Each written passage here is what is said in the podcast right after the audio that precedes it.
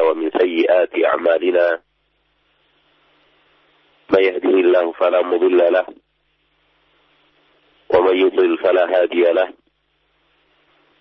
أشهد أن لا إله إلا الله وحده لا شريك له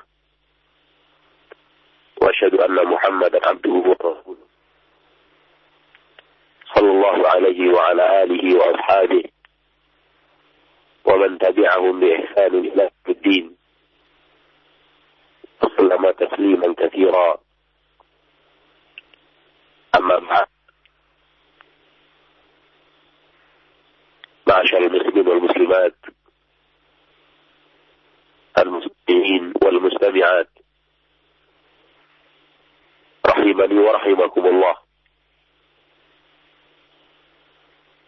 segala puji dan syukur kepada Allah Tabaraka wa Ta'ala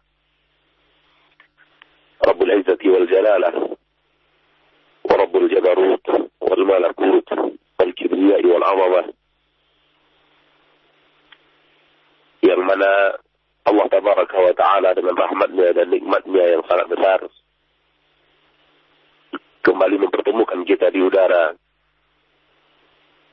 dalam dalam rangka talabul ilm, menuntut ilmu kewajiban bagi setiap muslim dan muslimah. Sebagaimana sabda Rasul kita tercinta sallallahu alaihi wasallam, ilmi fadidatun ala kulli muslim. Menuntut ilmu hukumnya wajib bagi setiap muslim.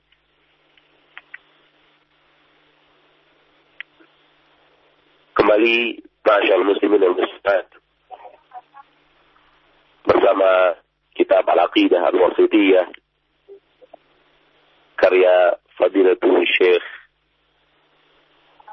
Ibn Taimiyah rahimahullah yang mana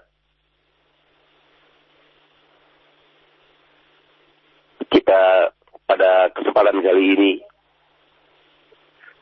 melanjutkan pembahasan kita pada pertemuan kita yang lalu tentang rukun-rukun iman. Dan pada pertemuan yang lalu, kita berbicara tentang rukun iman adalah enam. Dan itu adalah aqidah ahli sunnah wal jamaah siapa yang menyelisihinya maka dia menyelisihi sunnah wal jamaah. Aqidah as-salaful ummah. Dan yang menyelisihi aqidah ahlu sunnah wal jamaah di dalam usul al-aqidah sungguh dia telah menyelisihi ahlu sunnah wal jamaah. Sesungguhnya sepakat ahlu sunnah wal jamaah bahwa rukun iman adalah enam dan para sahabat berlepas diri dari orang-orang yang tidak meyakini rukun iman yang enam ini atau salah satu di antaranya. Masyaallah muslimin dan muslimat, pada kesempatan kali ini, insya Allah Ta'ala, Semoga Allah Subhanahu wa taala memudahkan kita akan mencoba bersama meniti keimanan kepada Allah Subhanahu wa taala. Rabbul Izzati wal Jalalah yang merupakan rukun iman yang pertama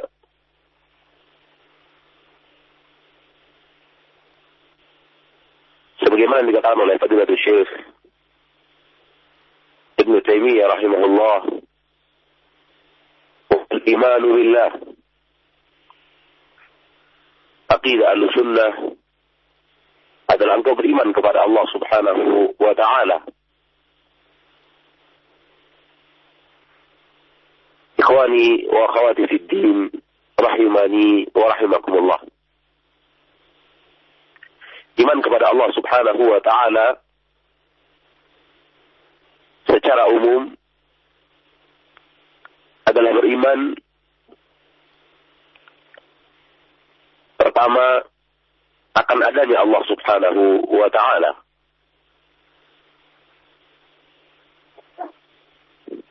Seorang manusia dituntut untuk mengimani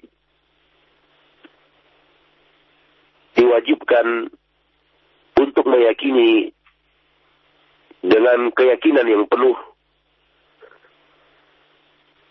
bahwasanya adanya sesuatu yang menciptakan alam semesta ini.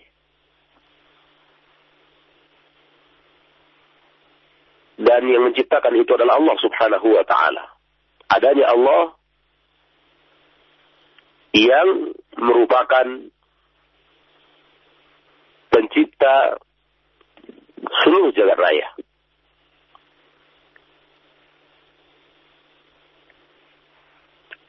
Sesungguhnya pembahasan ini, kalau kita berbicara kepada orang-orang yang beriman, akan adanya Allah subhanahu wa ta'ala, Rabbul Izzati wal Jalalah, akan sangat dimafhumi oleh mereka. Alhamdulillah, kita lahir di bumi pertiwi. Di negara yang mayoritas penduduknya muslim dan muslimah. Dan Alhamdulillah, kita lahir di tengah keluarga muslim dan muslimah yang memperkenalkan kita dari kecil akan adanya Allah tabaraka wa taala sebagai pencipta alam semesta. Dari kecil kita ditalkinkan oleh orang tua kita akidah yang sahihah bahwa adanya Allah pencipta alam semesta. Sehingga untuk tentang adanya Allah Subhanahu wa taala kepada kaum muslimin dan muslimat di Indonesia bukanlah perkara yang sulit. Karena mayoritas kaum muslimin atau semua kaum muslimin dan muslimat seluruh kaum muslimin dan muslimat yang ada di negeri kita meyakini adanya Allah pencipta. Akan tapi berbeda kondisi apabila kita berhadapan dengan orang-orang mulhid. Orang-orang yang meyakini bahwa tidak ada pencipta untuk alam semesta. Dan syubhat itu ada dan ditebarkan oleh syaitan di pemikiran sebahagian manusia. Adanya orang-orang yang meyakini bahwa alam semesta ini tercipta dengan sendirinya. Tercipta tanpa ada penciptaan. Dan inilah perkara yang batil. Alam ini tidak mungkin ada tanpa ada yang menciptakan. Kita tidak mungkin ada kalau tidak ada yang menciptakan kita. Inilah akidah orang-orang Quraisy. Sebahagian mereka dan oleh orang-orang mulhid yang mencoba untuk meyakini bahwa alam semesta ini terbentang dengan sendirinya. Tanpa ada yang membentangkan. Terwujud dengan sendirinya. Tanpa ada yang mewujudkan.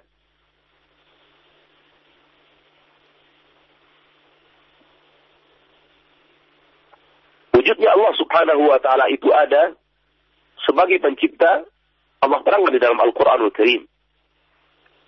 Di dalam beberapa ayat Allah subhanahu wa ta'ala mengajak kita untuk berpikir, mengajak manusia untuk menganalisa dengan logikanya yang sehat. Bahwa logika manusia yang sehat menuntut akan adanya pencipta alam semesta. Allah berfirman, dalam surah At-Tur. A'udzu billahi minasyaitonir rajim. khuliqu min ghairi syai'in am humul khaliqun? Apakah mereka diciptakan dari sesuatu yang sebelumnya tidak ada?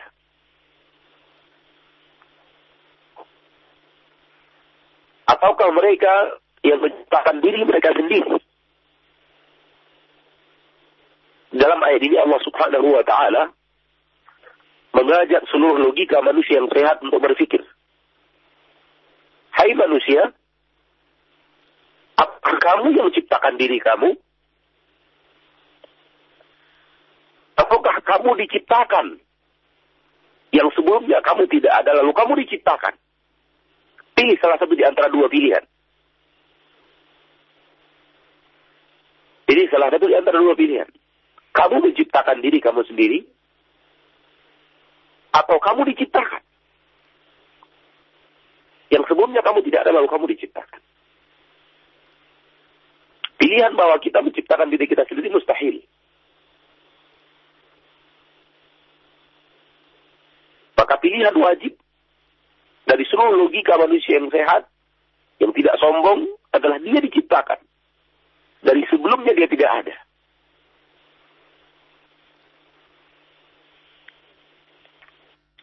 Kalau itu jawaban pasti, logika berikutnya bertambah. Lalu siapa yang menciptakan? Kalau memang sebelumnya kita tidak ada, lalu kita diciptakan, siapa yang menciptakan kita ini? Pasti yang menciptakan kita ini sesuatu yang luar biasa. Seseorang yang maha bisa. Karena dia telah menciptakan sesuatu yang luar biasa di dalam jasad kita. Mata yang luar biasa, telinga yang luar biasa, lisan, gigi yang teratur, organ tubuh yang sempurna, mesin canggih yang kita miliki di dalam tubuh kita. Ayat ini mengajak kita untuk berpikir bahwa ada sesuatu yang menciptakan kita yang sesuatu itu luar biasa. Dan dialah Allah. Dialah Allah pencipta alam semesta. Pencipta manusia dan pencipta seluruh alam semesta. Di dalam ayat yang lain Allah giring kita dengan meyakini Allahu khaliqu kulli syai. Allah pencipta sesuatu. Allah perkenalkan kepada kita dialah pencipta. Ada pencipta alam semesta ini. Dan pencipta alam semesta ini bernama Allah Subhanahu wa taala. Ikhwani wa akhwati fid din, rahimani wa rahimakumullah.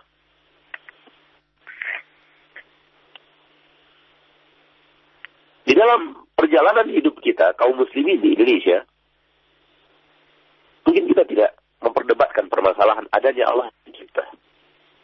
Bahwa Allah itu ada. Namun di titik ini kita ingin memperingatkan kaum muslimin dan muslimat bahwa pembahasan ilmiah tentang alam semesta terjadinya hujan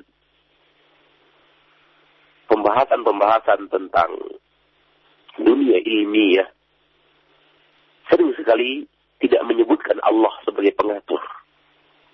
Ini yang ingin kita kritisi dalam dunia pendidikan. Terutama yang berbicara masalah-masalah ilmiah yang ada di alam semesta. Setelah kita katakan bahwa permasalahan umat Islam tidak di Indonesia meyakini adanya Allah. Namun di pembahasan-pembahasan ilmiah mereka tentang ilmu alam, sering sekali Allah itu tidak disebut.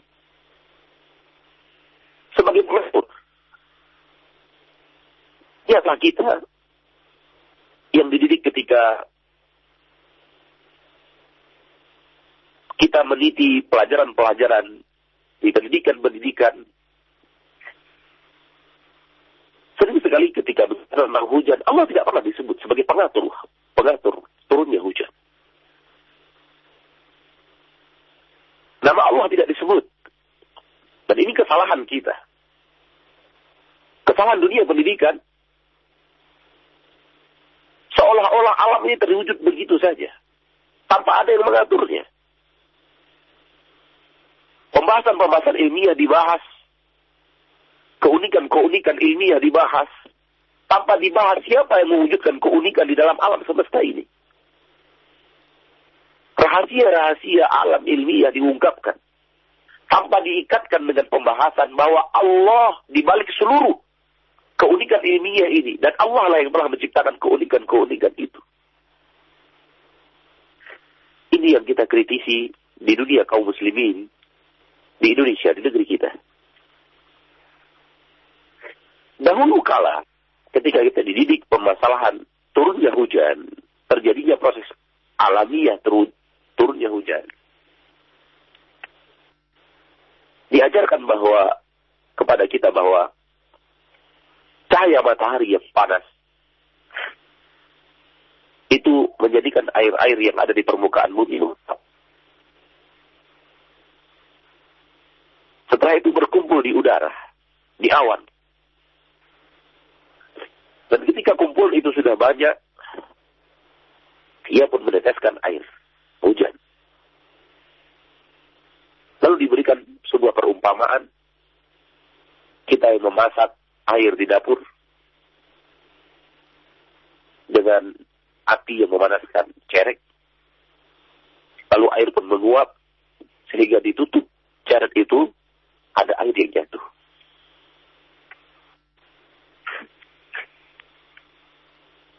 Namun tidak disampaikan di dalam pelajaran-pelajaran tersebut. Namun tidak disampaikan dalam pelajaran-pelajaran tersebut. Allah yang telah menurunkan hujan ini. Sebagai rahmat bagi manusia. Tidak seperti yang disampaikan Allah di dalam Al-Quran. Huwa alladhi anzala minas sama'i ma'a. Dialah Allah yang telah menurunkan dari dari langit air hujan. Tidak sebagaimana yang Allah tekankan dalam Al-Quran. Afara'aitumul ma'al ladhi tashrabun. Tidakkah kalian melihat kepada air yang kalian minum? Antum anzaltumuhu minal muzni am nahnu muzid. Apakah kalian menurunkan air itu dari awan? Atau kami yang menurunkannya untuk kalian? Itu tidak dibahas. Apakah kalian yang menurunkan air itu dari awan atau kami yang menurunkannya? Itu tidak dibahas, itu tidak ditekankan.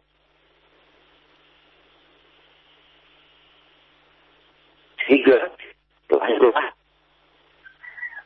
para ilmuwan yang mengerti proses kejadian al alamiah, namun tidak mengerti tidak dekat kepada siapa yang menciptakan alam ini. Dan telah menjadikan proses itu sebagai proses.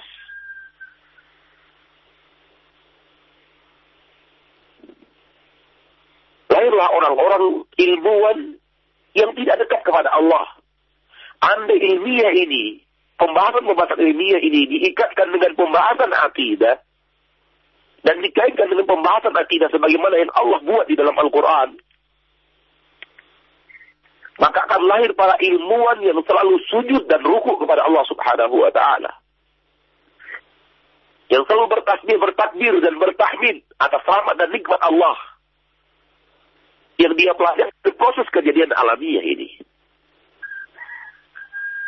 Sebagaimana firman Allah Taala kata dalam Al-Quran surah Ali Imran, "Inna fi khalqis samawati wal ardi wa ikhtilafil laili wan nahar la ayatin li ulil albab." Sesungguhnya di dalam penciptaan langit dan bumi yang kalian pelajari dalam proses-proses ilmiah ini, wahai kaum muslimin yang kita pelajari ini, waktilafil laili wan nahar, pergantian siang dan malam, la ayatin, benar-benar dalamnya terdapat tanda-tanda kebesaran, tanda-tanda kekuasaan Allah subhanahu wa ta'ala. Liulil albab untuk orang-orang yang mengerti. Untuk orang-orang yang cerdas Siapa orang yang cerdas? Siapa orang yang mengerti? Yang menjadikan proses kejadian alam semesta ini dan pergantian siang dan malam sebagai tanda-tanda kekuasaan? Orang yang mengaitkannya dengan Allah. Allah mengatakan, الذين يذكرون الله قياما وقعودا وعلى جنوبهم Mereka yang selalu berzikir, beribadah kepada Allah. Ketika berdiri, ketika duduk, ketika berbaring. Tafakkaruna fi khalqis samawati wal ardh. Mereka berpikir tentang keadaan langit dan bumi. Mempelajari apa yang ada di alam semesta.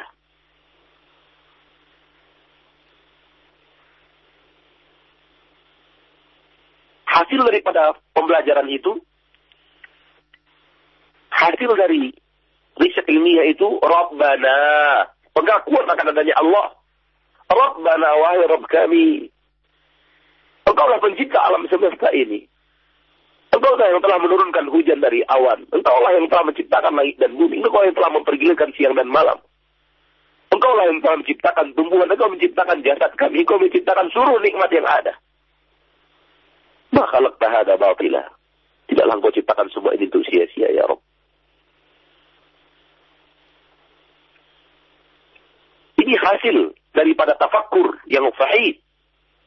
Akan tetapi, tafakur ini adalah tafakur yang diiringi dengan mengaitkan alam ini dengan penciptanya.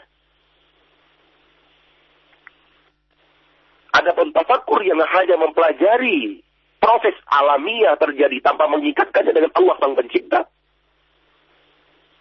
akan melahirkan para ilmuwan-ilmuwan, na'udzubillah yang sombong kepada Allah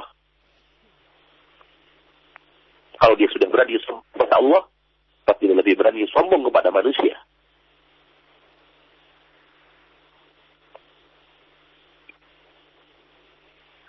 Sehingga bagi kita, umat Islam, hendaklah kajian-kajian al-ilmiah ini tidak pernah kita lepas pembahasan dengan keberadaan Allah pencipta alam semesta. Bahwa seluruh kejadian ini, bahwa seluruh kehebatan yang ada di alam ini, bahwa seluruh keunikan dan kesempurnaan yang ada di alam semesta ini, disebabkan adanya pencipta yang luar biasa. Disebabkan adanya pencipta yang maha mengerti. Disebabkan adanya pencipta yang maha sempurna. Karena yang maha sempurna, yang bisa memberikan kesempurnaan. Ma tafawut. Farji'il basar hal tara min futur. Tidak akan kamu temukan dalam ciptaan Allah kesenjangan.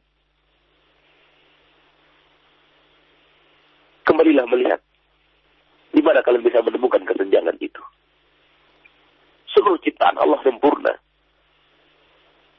Kesempurnaan yang ada di alam ini menuntut seorang manusia yang berakal untuk mengatakan tidak mungkin yang sempurna terwujud tanpa pencipta.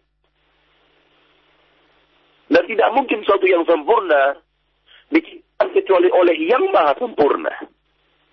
Dialah Allah. Yang maha sempurna yang telah menciptakan kesempurnaan itu. Kalau Allah tidak maha sempurna, Allah tidak akan bisa menciptakan kesempurnaan. La. Orang yang tidak memiliki sesuatu tidak bisa memberikan sesuatu. Ketika makhluk ciptaannya sempurna, bagaimana sang pencipta? Kalau makhluk yang telah diciptakan dan dihasilkan sempurna, bagaimana sang pencipta? Allah berfirman tentang penciptaan manusia dalam surat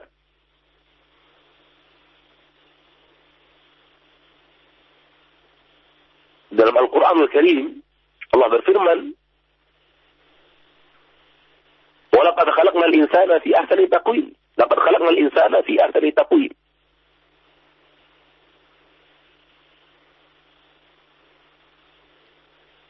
Kami telah ciptakan manusia dalam bentuk yang yang sangat sempurna, yang paling sempurna. Apabila kita memperhatikan jasad kita, kita akan menemukan kesempurnaan yang luar biasa. Dan saya sering mengatakan kepada kaum muslimin, kesempurnaan yang Allah berikan di dalam tubuh manusia ini, tidak akan bisa manusia mewujudkan sesuatu yang lebih sempurna daripada manusia itu sendiri. rangkaian tubuhnya, organ-organnya.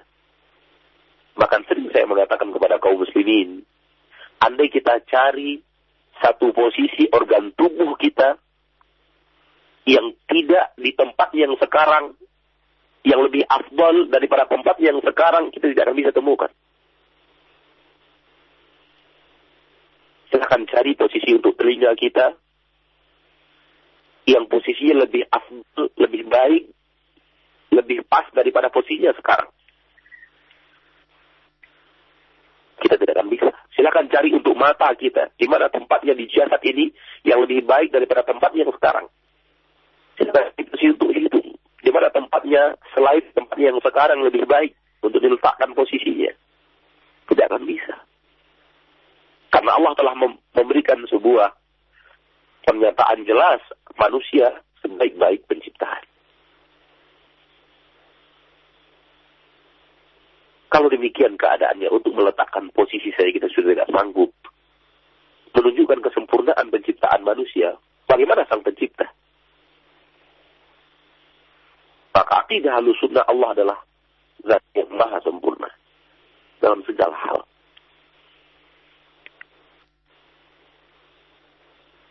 Ikhwani wa akhwati fi din rahimani wa rahimakumullah. Mari kita tidak pernah melupakan Allah yang ada yang mengatur perjalanan hidup kita. Wahai para petani yang Anda berkebun,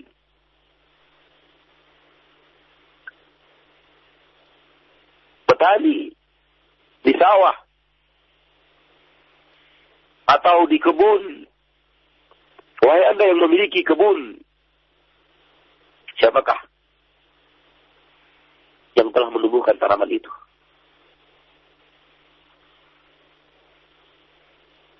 Siapakah yang telah menumbuhkannya? Allah, adanya Allah sebagai zat yang mengatur tumbuhnya tanaman yang Anda tanam. Para petani sadarlah, kita hanya meletakkan tanaman itu di tanah. Dan berusaha, berusaha untuk menyemburkan tanah. Nah, siapa yang menumbuhkannya? Dalam surah Al-Waqiah, Allah subhanahu wa ta'ala terangkan.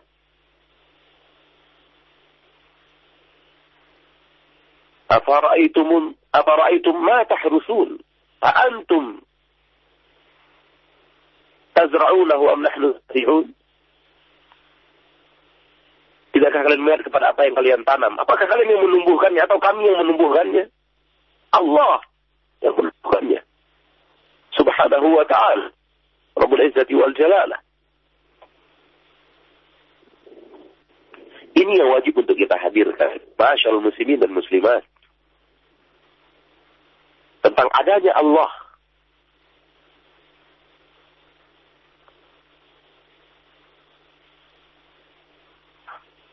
Sehingga minuman yang kita minum, kita syukuri Allah subhanahu wa ta'ala atas minuman itu makanan yang kita makan, kita syukuri Allah atas makanan yang kita makan tersebut.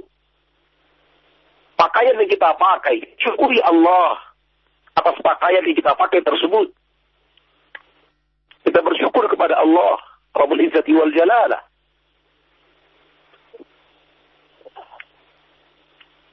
Dalam hadis Qudsi dari Abu Dhar al-Ghifari, dari Nabi kita sallallahu alaihi wasallam, dari Allah tabaraka wa taala Allah berfirman, Ya ibadi kullukum ja'i'un illa man at'am. Wahai hamba-hambaku, semua kalian lapar. Semua kalian tidak bisa makan. Kecuali orang yang saya berikan makan kepadanya. Kecuali orang yang saya berikan makan kepadanya. Kalau Allah tidak beri makan kepada kita, Allah tidak tumbuh tanaman. Allah tidak kembangkan hewan-hewan. Allah tidak tumbuhkan ikan tidak dia akan ikan apa yang akan kita makan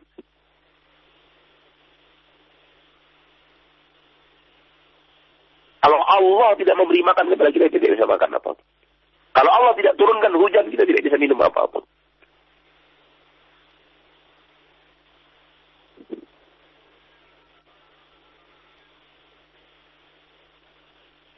Ini yang perlu disembuhkan. Dalam hadis juga, yang tadi, Allah mengatakan, Ya ibadi kullukum arin illa man kasautu. Wahai hamba-hamba aku, semua kalian adalah orang yang tidak berpakaian, kecuali yang aku berikan kepadanya pakaian. Buka almari pakaian Anda, tatap seluruh pakaian yang ada di, di almari tersebut. Dan cari satu benang yang ada di pakaian itu yang bukan berasal dari ciptaan Allah untuk manusia.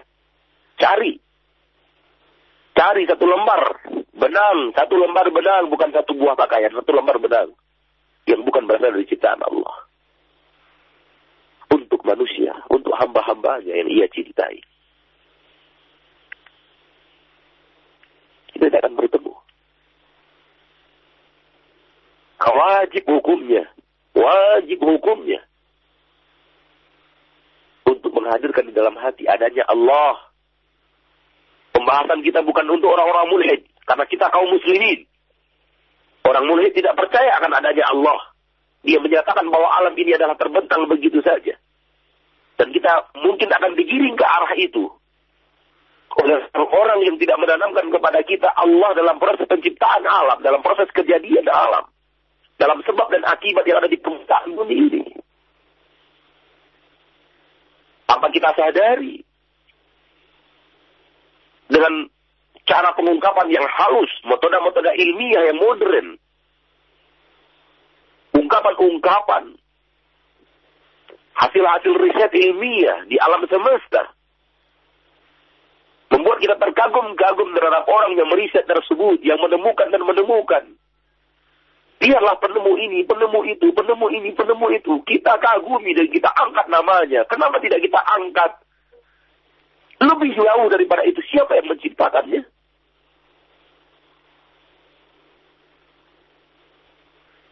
Apakah hal yang dia temukan itu sebelumnya tidak pernah ada? Sebelumnya ada. Ribuan tahun sebelum ia menemukan itu ada. Cuma kita yang bodoh yang baru menemukannya. Lalu kenapa manusia begitu-begitu membesarkan, begitu membesarkan sang nemu. Namun manusia melupakan siapa yang mencipta.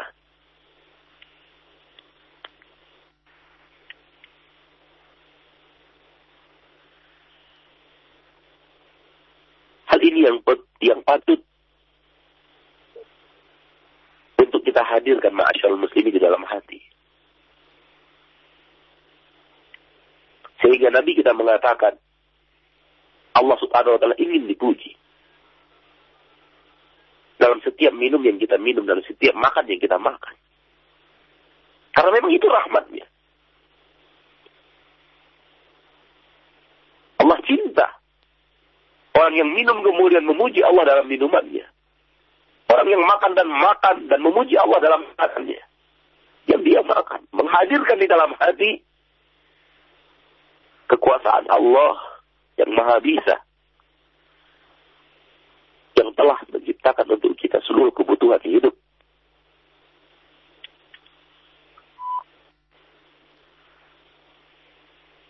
Ikhwani wa akhwati fid din rahimani wa rahimakumullah.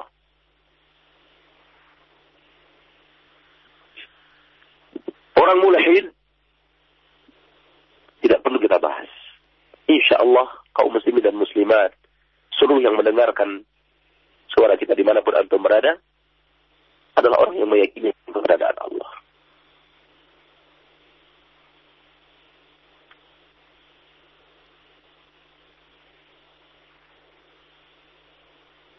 ilmuwan benar-benar bahagia ketika alat yang mereka ciptakan telah mendarat di Mars.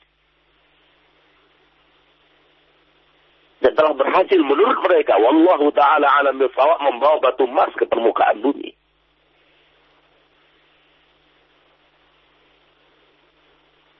Hanya mendaratkan alat dan membuat keadaan di Mars dan mengambil sebagian sampel daripada bebatuan Mars dan tanah dan pasir yang ada di Mars dan dibawa ke permukaan bumi, hanya itu saja bagi kita adalah sebuah pencapaian teknologi yang hebat. Hati orang mukmin mengatakan yang menciptakan Mars ribuan atau jutaan tahun yang lalu dan mempertahankan Mars di tempatnya sehingga tidak bertabrakan dengan planet-planet yang lain dan tidak menabrak bumi, dialah yang lebih hebat. Dialah Allah. Allah target dan bumi pengatur alam semesta. Yang menjadikan seluruh galaksi ini pada edarannya sehingga tidak bertabrakan. Sampai datang waktunya di mana Allah tidak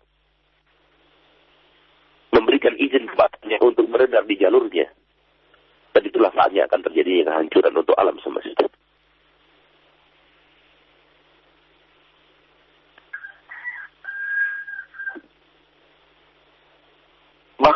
Allah tidak hanya Mars. Miliaran planet, kata para ilmuwan dari angkasa.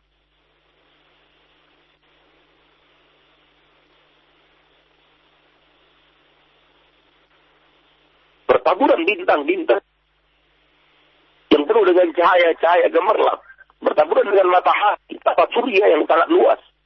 Siapa yang menciptakannya? Siapa yang telah mewujudkannya menjadi ada? Dan di tempat masing-masing sehingga tidak bertabrak itu sama lain. Allah, Masyarakat muslimin, kepada para kaum muslimin yang mengkaji ilmu-ilmu ilmiah. Jangan pernah Anda hanya terpaku dan terpaut pada pembahasan ilmu-ilmu ilmiah dan tidak mengkaitkan Allah yang telah mewujudkan semuanya untuk manusia. Para ahli dalam ilmu kedokteran hadirkan Allah di dalam pembahasan-pembahasan itu. Sebut namanya, puji dia. Para ahli pertanian, hadirkan Allah, sebut namanya, puji dia. Para ahli pertanian, para ahli peternakan, sebut Allah, puji dia. Dialah yang menciptakan segala sesuatunya untuk kita. Para ahli geografi, sebut Allah, puji dia. Sebut namanya. Dan dia telah menciptakan. Para ahli astronomi, sebut Allah, Puji dia. Sebut namanya. Syukuri rahmatnya dan nikmatnya.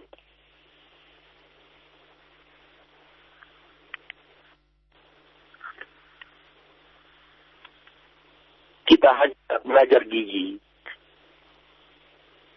Jadi seorang ahli gigi. Terkenal kaya raya. Kenapa tidak memuja dan memuji Allah karena Allah yang telah menciptakan gigi. Kita seorang ahli tulang. Seorang ahli jantung. Ahli syaraf. Ahli psikologis. Kenapa tidak memuja dan memuji Allah? Menciptakan segala sesuatu yang telah membuat kita jadi penghebat itu. Hadirkan Allah, puji dia, sebut namanya. Ruku dan sujud kepadanya. Kepadanya semua kita akan dikembalikan. Ini pembahasan kita yang pertama tentang iman kepada Allah. Adanya Allah. Adanya Allah pengatur alam semesta. Tidak turun satu lembar daun dari pohon. Kecuali aturan Allah. Tidak bergerak. Satu pun yang bergerak di permukaan bumi kecuali aturan Allah.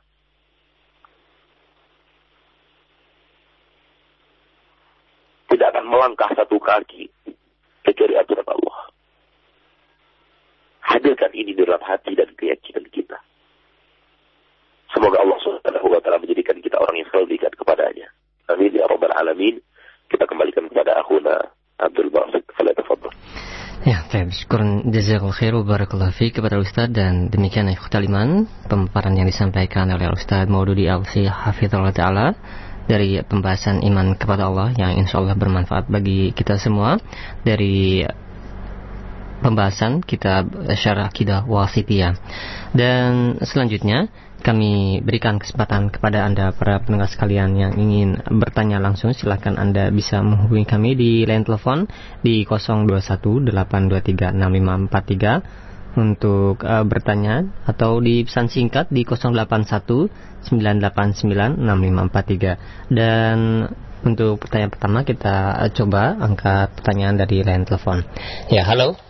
Assalamualaikum. Waalaikumsalam warahmatullahi wabarakatuh. Dengan siapa dari mana, Pak? Dari Abu Aji di Cilandak. Abu Aji di Cilandak. Silakan Bu Aji.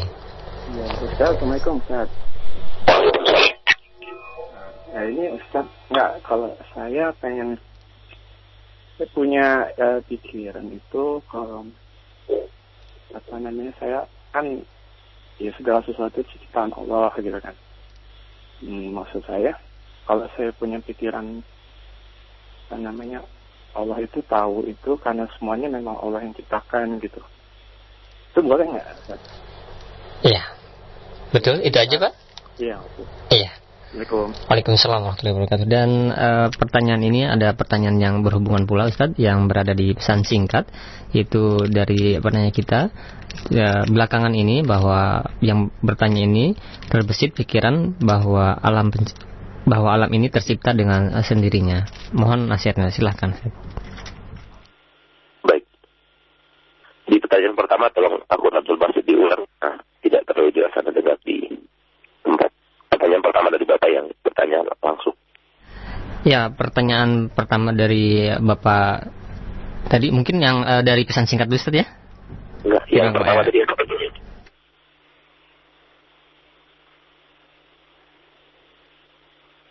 Ya, uh, kami pun mohon maaf Ustaz uh, kurang jelas ya menyimak uh, dari penanya yang pertama tadi Ustaz. Baik, kita uh, jawab saja. Uh, yang kedua saja. Oh. Ya, silakan Ustaz. Ya, saya mohon maaf kita uh, tadi saya tidak bisa menangkap dengan baik pertanyaannya. Yang bisa saya tangkap bahwa apakah kita salah meyakini Allah itu uh, mengetahui segalanya karena dia adalah yang mencipta. Sebatas itu saja yang bisa saya tangkap mudah-mudahan tidak salah tangkapan saya tentang pertanyaan Bapak. Sekaligus digabung oleh akun Abdul Basit dengan pertanyaan melalui pesan singkat bahwa bagaimana kalau kita mulai meyakini bahwa alam, alam semesta itu ter, terbentang atau terwujud dengan sendirinya. Kalau kita mulai meyakini bahwa alam semesta terwujud dengan sendirinya, itu artinya kita mulai ke arah itu, kita mulai masuk ke dalam arah kufur. Ke arah kufur, ke arah kekufuran. Kekufuran yang paling kufur adalah Anda tidak mengakui adanya Allah sebagai pencipta yang mewujudkan segala sesuatu menjadi ada. Dan ini adalah orang mulhid yang seperti yang kita katakan tadi.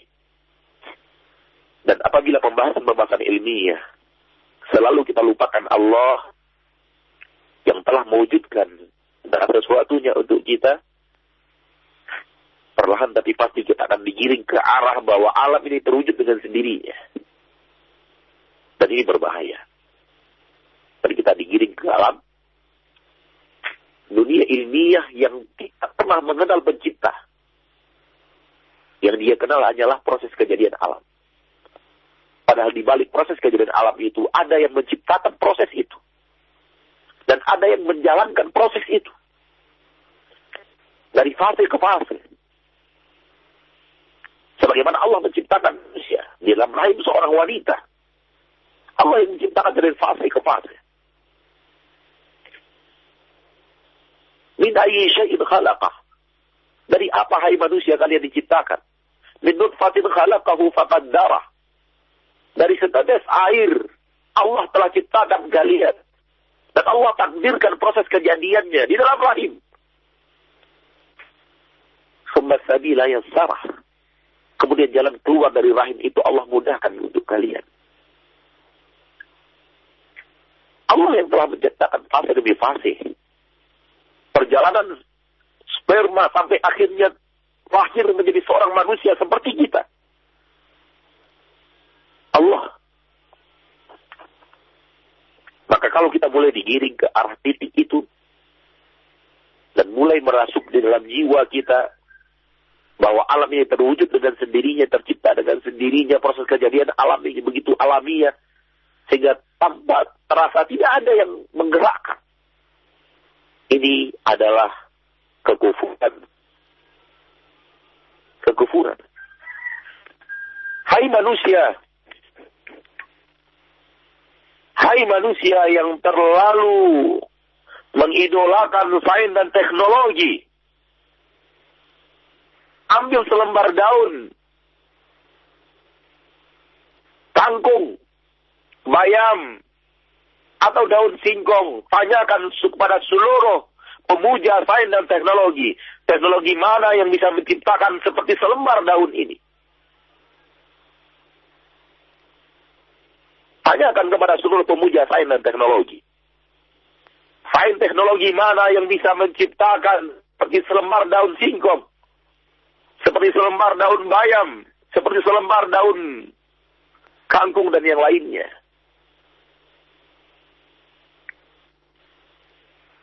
semua sains dan teknologi akan bertekuk lutut di depan sains dan teknologi yang telah Allah ciptakan di selembar daun singkong.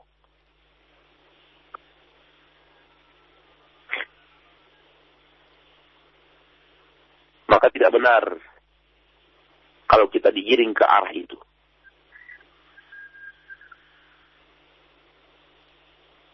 Tidak benar dan kemudian melalui pertanyaan dari Akhuna tadi yang bertanya langsung.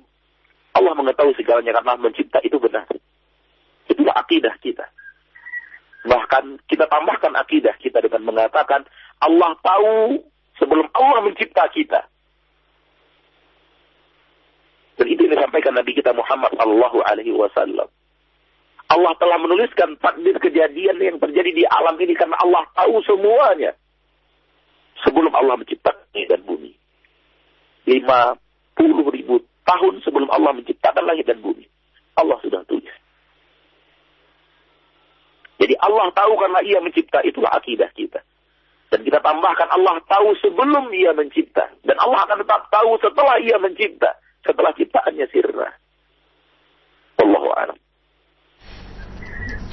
Syukur jazakumullah Ustaz atas jawabannya.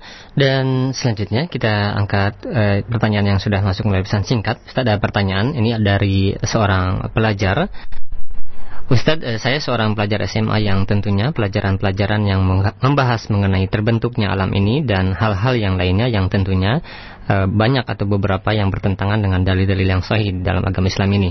Lantas, jika pada saat ujian ada pertanyaan-pertanyaan tersebut, bagaimana cara menjawabnya? Karena jika dijawab dengan apa yang sesuai dengan dalil yang sahih, maka jawabannya pasti akan disalahkan. Dan sebaliknya apabila dijawab dengan uh, pelajaran yang kita pelajari tentunya hal tersebut tidak dibenarkan. Bagaimana Ustaz? Apa yang harus saya lakukan? Silakan Ustaz. Uh, saudaraku yang bertanya, jazakallahu khairan atas pertanyaannya.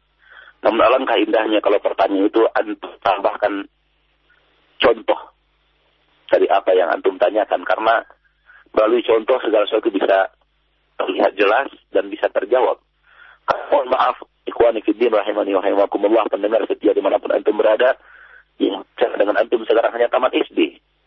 Tidak mengerti pembahasan ini hanya dia lebih hebat daripada itu. Yang bertentangan dengan syariat yang ditanyakan oleh penanya. Sehingga tidak mengerti contoh yang dimaksud dan tidak bisa contoh yang dimaksud. Allah Ta'ala alam. Jadi alangkah indahnya kalau di, disampaikan juga apa contoh daripada sesuatu yang dibaca di bangku sekolah yang bertentangan dengan dalil syari. Wallahu ta'ala alam. Ya, mungkin uh, ada diberikan contoh Ustaz, boleh? Apa? Ya, mungkin seperti terjadinya hujan yang uh, menurut teori yang telah dipelajari di uh, bangku sekolah bahwa air laut diserap oleh uh, sinar matahari kemudian diserap oleh awan dan awan kembali ke daratan dan hujan diturunkan. Dan teori nebula itu teori terjadinya bumi dengan ledakan suatu alam maka terjadilah uh, satu bumi atau planet Ustaz. Demikian uh, teori yang sebagiannya dipelajari. Bagaimana Ustaz mengenai tanggapannya? Adapun proses kejadian hujan bahwa segala sesuatu naik ke awan, kemudian di awan terbentuk, kemudian diturunkan lagi. Allah Ta'ala alam. Kalau memang itu proses kejadian, tinggal hanya ditambahkan. Kalau memang itu terjadi dan terwujud seperti itu apa adanya, tinggal ditambahkan Allah lah yang telah mengatur segalanya. Wallahu alam, kita bukan ilmuwan dan pembahasan bab ini bukan bab kita. Saya tidak bisa berbicara apakah itu real terjadi secara ilmiah seperti itu. Kalau ataupun itu ilmiahnya seperti itu, realita ilmiahnya seperti itu, tinggal ditambahkan Allah lah yang telah menaikkan uap itu ke udara. Sebagaimana Allah bisa menjadikannya tetap di permukaan bumi tidak naik. Dan Allah subhanahu wa ta'ala telah mewujudkannya di udara, di awan. Allah alam tidak terlalu mengerti pembahasan ini. Akan tapi kalau memang secara ilmiah, secara fakta ilmiah, kejadian, proses kejadian, hujan adalah hal yang seperti itu, tinggal ditambahkan Allah yang mengaturnya. Allah subhanahu wa ta'ala yang telah mengaturnya. Wallahu ta'ala alam. Ya, baik terima kasih banyak Ustaz atas jawabannya. Dan selanjutnya ada pertanyaan dari Rino. Ustadz kita uh, saya meyakini bahwa Allah Maha melihat dan Maha mengetahui.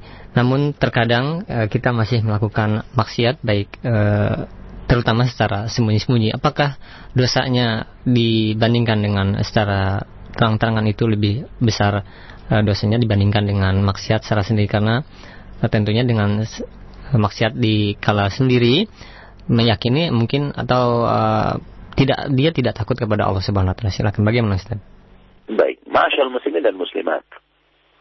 Terjadinya maksiat sembunyi-sembunyi dan terjadi maksiat secara terang-terangan lebih besar dosanya terjadinya maksiat terang-terangan daripada terjadinya maksiat secara tersembunyi. Perlu antum pahami itu. Di dalam hadis yang sahih, Nabi kita mengatakan, Kullun nas mu'afa illal mujahirun. Manusia-manusia akan diberikan keselamatan, kecuali orang yang dalam kesombongannya, dalam maksiatnya telah terang-terangan.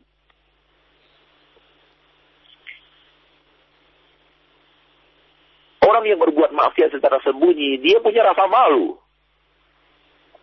Dan orang yang berbuat maksiat terang-terangan sudah tidak memiliki rasa malu.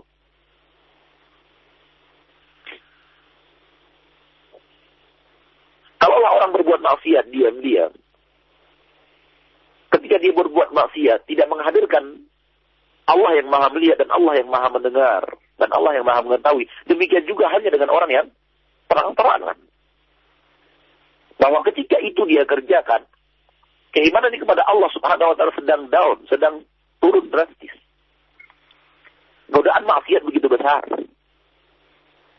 Oleh karena itu maksiat secara terang-terangan lebih berbahaya daripada maksiat secara tersembunyi. Walaupun kedua-duanya kotor dan jahat dan kedua-duanya maksiat, akan tapi maksiat terang-terangan lebih dahsyat. Oleh karena itu di dalam agama kita orang yang berbuat maksiat terang-terangan tidak ada aib bagi orang lain untuk membicarakan maksiatnya yang dia lakukan secara terang-terangan. Dan itu bukan ghibah. Termasuk salah satu yang keluar dari hukum ghibah dan tidak terhitung ghibah adalah membicarakan kesalahan manusia. Yang mana kesalahan itu dia lakukan terang-terangan. Namun kalau kesalahan itu dia lakukan diam-diam, wajib bagi setiap muslim dan muslimah menjaga rahasia itu. Walau dia tahu. Walau dia tahu tanpa sengaja, melihat namun orang yang dia lihat berbuat maksiat, berbuat maksiat diam-diam, wajib baginya menjaga aib orang itu. Dan tidak boleh sebarkan kepada orang lain. Tentu sebaiknya dia nasihati. Dan dia berikan tegurannya kepada saudara yang dia ketahui aibnya itu. Namun haram baginya untuk sebarkan kepada orang lain. Ini aib yang tersembunyi. Namun aib yang sudah terang-terangan, dosa yang telah dilakukan terang-terangan, tidak masalah bagi orang lain untuk cerita tentang aib orang itu karena dia telah terang-terangan berbuat aib.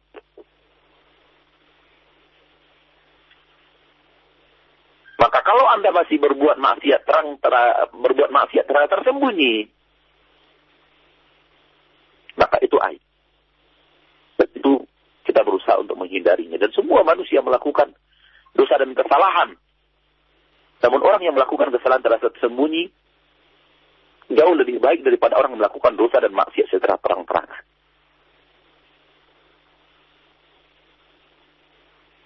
Namun, tentu keduanya adalah maksiat.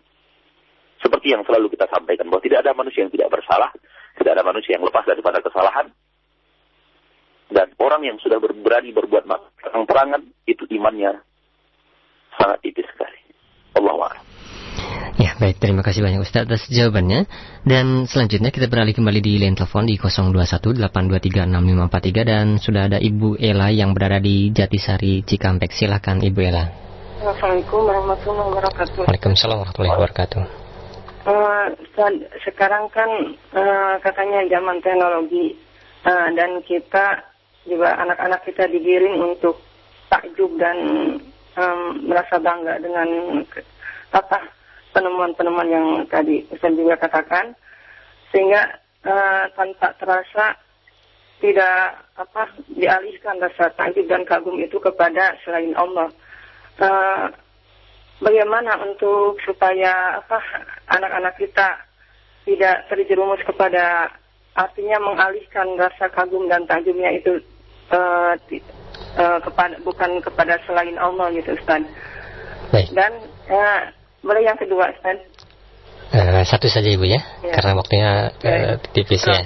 Afwan. Waalaikumsalam warahmatullahi wabarakatuh. Silakan Ustaz. Baik. Kaum muslimin dan muslimat terkhusus kepada ibu yang bertanya, ini kewajiban kita. Kewajiban kita mengawal anak-anak kita. Orang tua yang telah menyerahkan anaknya di sekolah. Bukan berarti dia berlepas tangan atas atas apa yang diajarkan di sekolah terhadap anaknya amanah anak ini di pundak orang tua.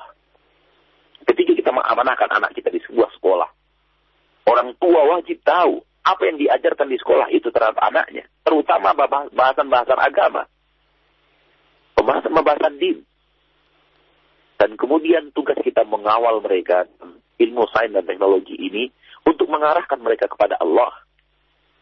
Untuk mengarahkan mereka kepada Allah dengan sedikit berbicara ilmiah di depan mereka dengan logika yang sehat, maka mereka akan paham. Contoh, ketika kita bicara tentang hujan, katakanlah mereka bicara tentang hujan, katakan, nah ini aturan Allah. Memang kata para ilmuwan bahwa kejadian proses alam hujan seperti ini, Allah Ta'ala alam ibu pun tidak tahu, tapi ini adalah anugerah Allah. Dilihat Al-Quran, Allah yang menurunkan hujan. Allah telah memberikan hujan kepada manusia rahmatnya. Buktinya, kalau seandainya Allah subhanahu wa ta'ala ingin turunkan hujan, Allah turunkan hujan walaupun di negeri yang tidak terlalu terik seperti Indonesia. Namun di negeri yang terik seperti di Arab Saudi dan yang lainnya, Allah sedikit kan turun hujan. Dan rahmat Allah kepada kita lebih besar dengan banyaknya turun hujan di negeri kita. Tapi kalau kita tidak pandai bersyukur, nak, bisa saja hujan itu menjadi bencana bagi kita. Coba lihat, ketika turun hujan, Allah subhanahu wa ta'ala memberikan bencana kepada banyak manusia dengan turunnya hujan tugas orang tua untuk mengawal perjalanan ilmiah anaknya agar diikatkan dengan Allah kalau dia tahu bahwa di, di tempat dia menitipkan anaknya bahwa pengarahan terhadap Allah Subhanahu wa taala mengawal anak tidak terlalu kuat. Tentu bagi orang tua suatu hal yang tidak bisa kita kita lupakan bahwa kita wajib menyerahkan anak kita di sekolah yang bisa mengawal akidah anak kita terutama kepada Allah Subhanahu wa taala tidak ia lupakan. Ya, namun kalau sudah kadung bahwa terjadi hal yang seperti ini, bahwa ini tugas orang tua. Awasi dan arahkan anak. Insya Allah Ta'ala dengan kita duduk dengan anak sekali satu pekan, dua kali dalam satu minggu. Insya Allah Subhanahu Wa Taala itu cukup untuk mengarahkan cara berpikir anak diikatkan kepada Allah Subhanahu Wa Taala. Dan kita melihat orang-orang tua yang mengawal anaknya, bahkan anaknya yang mengajar gurunya. Subhanallah, Subhanallah. Dan ini realita ilmiah dan realita kejadian yang ada di kehidupan kita. Bahwa orang tua yang mengawal anaknya di sekolah-sekolah dasar bahkan dalam pemahaman-pemahaman anak tentang Allah, dia yang mengajarkan kepada gurunya. Dia yang mengajarkan cara beragama kepada gurunya. Allah Ta'ala. Jadi tugas orang tua dalam hal ini dan jangan hanya diserahkan 100% pendidikan kita kepada sekolah saja, apalagi kalau kita tahu bahwa sekolah itu tidak serius dalam mengawal akidah anak kita. Wallahu a'lam. Ya, terima kasih banyak Ustaz atas jawabannya dan demikian untuk Ibu Ella yang berada di Jatisari Cikampek dan selanjutnya masih kami beri kesempatan untuk yang terakhir itu untuk Ibu Nur yang berada di Bekasi silakan Ibu Nur. Ya, Assalamualaikum warahmatullahi wabarakatuh. Waalaikumsalam warahmatullahi wabarakatuh. Uh, anda punya seorang ayah, um, dia berprinsip tidak wajib sholat bagaimana nah, dengan ayah itu ya Ustaz? Dia kalau kita kasih tahu uh, itu dia bilang yang penting anak udah berbuat baik kepada manusia tapi anak nggak usah sholat gitu udah cukup dia. Dan pada saat ini anak dengar kabar dia sedang sekarat. Hmm, bagaimana ya Ustaz ya? Iya. Uh, anak perlu berdoa untuk dia atau bagaimana ya Ustaz? Ya Ustaz ada ada yang mau ditanyakan Ustaz untuk pertanyaan ini? Apa tidak meyakini tidak wajib sholat itu bagaimana? Kenapa? Gimana uh, uh, gimana sih pertanyaannya? Halo Ustaz? Ya, kurang kurang kurang jelas anak tangkap, mohon maaf. Ya mungkin bisa diulangi kembali untuk Ibu Nur, silakan. Oh ya, kan dia itu tidak uh, punya prinsip uh, dia dibilang sholat itu tidak wajib. Uh, saya tidak perlu sholat, saya cukup berbuat baik kepada manusia uh, itu cukup gitu. Kita udah bilang kalau sholat itu udah itu wajib bapak gitu tapi dia dia tidak mau ya. sholat. Selama ini dia nggak pernah sholat dan saat ini dia sekarang. Saya pernah dengar kalau orang yang tidak punya uh, apa ya punya pemahaman tidak wajib sholat berarti dia telah kafir. Bagaimana dengan hal itu Ustaz? Eh, mungkin ibu sudah berusaha untuk mendakwahinya ya Uh, ya. Kebetulan bukan saya di kakak, karena saya jauh dari dia. Gitu. Kakak udah coba lagi, tapi dia tetap seperti itu. Ya, baik, baik. Ya, terima kasih banyak Ibu Nur. Ya, Ibu, Waalaikumsalam. pertanyaannya. Itu yang ingin saya tangkap dengan jelas tadi bahwa uh, Ibu memiliki orang tua yang memiliki keyakinan bahwa sholat itu tidak wajib. Itu yang ingin saya tangkap. Saya saya awalnya terdengar, tapi takut salah saya mendengarnya. Tapi dari ungkapan yang kedua, terlihat jelas bahwa orang tua ibu mengatakan bahwa memiliki keyakinan bahwa dia tidak wajib untuk sholat. Kalau manusia muslim, berislam awalnya, kemudian dia sampai kepada titik keyakinan bahwa dia tidak wajib sholat, maka dia kasih keluar dari Islam. Kalau yakin dia bahwa dia tidak wajib sholat, maka dia bukan muslim, namun dia kafir. Kalau ada orang muslim, sekali lagi, siapa pun orangnya, dia meyakini tidak wajib sholat, maka dia telah mengingkari ayat-ayat Al-Quran yang berhubungan dengan perintah melaksanakan sholat. Dan dia telah mengingkari seluruh hadis hadis Nabi Muhammad Sallallahu Alaihi Wasallam yang berhubungan dengan semarang salat ini dosa yang sangat besar dan ini dosa, dosa kufur, dosa ingkar kepada puluhan ayat di dalam Al-Quran, kepada ratusan hadis dalam hadis-hadis Nabi Muhammad, dan dosa ini mengeluarkan dari agama Islam.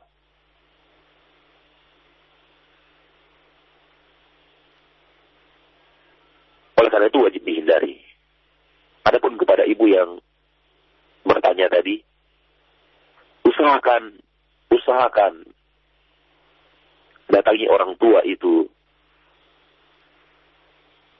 beserta keluarga yang lainnya. Rubah keyakinannya cepat sebelum dia dipenuhi oleh Allah Subhanahu wa taala menghadap dalam keyakinan bahwa sholat tidak wajib. Ini berbahaya sekali. Kalau itu yang terjadi, naudzubillah, seorang manusia wafat dalam keadaan meyakini sholat tidak wajib bagi dirinya, di hatinya dia meyakini bahwa salat tidak wajib bagi dirinya, dia akan kekal di neraka Allah Tabaraka wa Ta'ala. Kalau dia wafat dalam keyakinan seperti ini. Oleh karena itu segera datangi orang tua, perintahkan, minta baik-baik pada keluarga yang dekat orang tersebut. Arahkan dia sekuat kemampuan kita selagi masih terjadi dialog antara kita dengan dia bahwa dia wajib meyakini adanya sholat yang wajib bagi dia. Seandainya dia sholat itu wajib baginya, ada kemungkinan dia selamat di akhirat. Karena kita tahu belakang kita memiliki dua pendapat yang mengatakan bahwa itu wajib bagi dirinya walau dia tidak sholat, masih muslim dan ada harapan masuk surga. Namun yang mengatakan dirinya tidak wajib sholat, maka ini kufur. Sementara pendapat lain dari ulama kita mengatakan bahwasanya tentunya diambil daripada dalil-dalil yang ada dalam syariat bahwasanya dia meyakini sholat wajib bagi dirinya namun dia tidak sholat pun kafir keluar dari agama Islam dan kekal neraka Allah. Paling tidak ketika dia wafat dalam keadaan keyakinan dalam dirinya bahwa wajib sholat itu adalah wajib, dia masih ada kemungkinan haram kan. Oleh karena itu lakukan semaksimal mungkin usaha bagaimana caranya ya ditalkin dari orang tua ditalkinkan kepada dia. Walau tidak ada komunikasi yang lancar antara kita dan dia bikin ke telinganya bahwa sholat itu wajib. Sholat itu wajib ayahku. Allah menyuruh kita sholat di dalam Al-Quran Rasulullah menyuruh kita sholat di dalam hadis-hadisnya dan itu seluruh para ulama ahli ilmu tidak ada yang tidak ada yang mengatakan bahwa sholat itu tidak wajib setan telah bersarang di hati ayah anda bertobatlah kepada Allah mudah-mudahan di di saat-saat terakhir bahwa dia meyakini sholat itu wajib Allah Ta'ala Ya, baik. Terima kasih banyak Ustaz atas jawabannya dan demikian untuk Ibu Nur yang berada di Bekasi dan rupanya waktu sudah habis Ustaz ya dan mungkin ada satu kesimpulan untuk menutup acara kita di kesempatan pagi hari ini. Silakan Ustaz.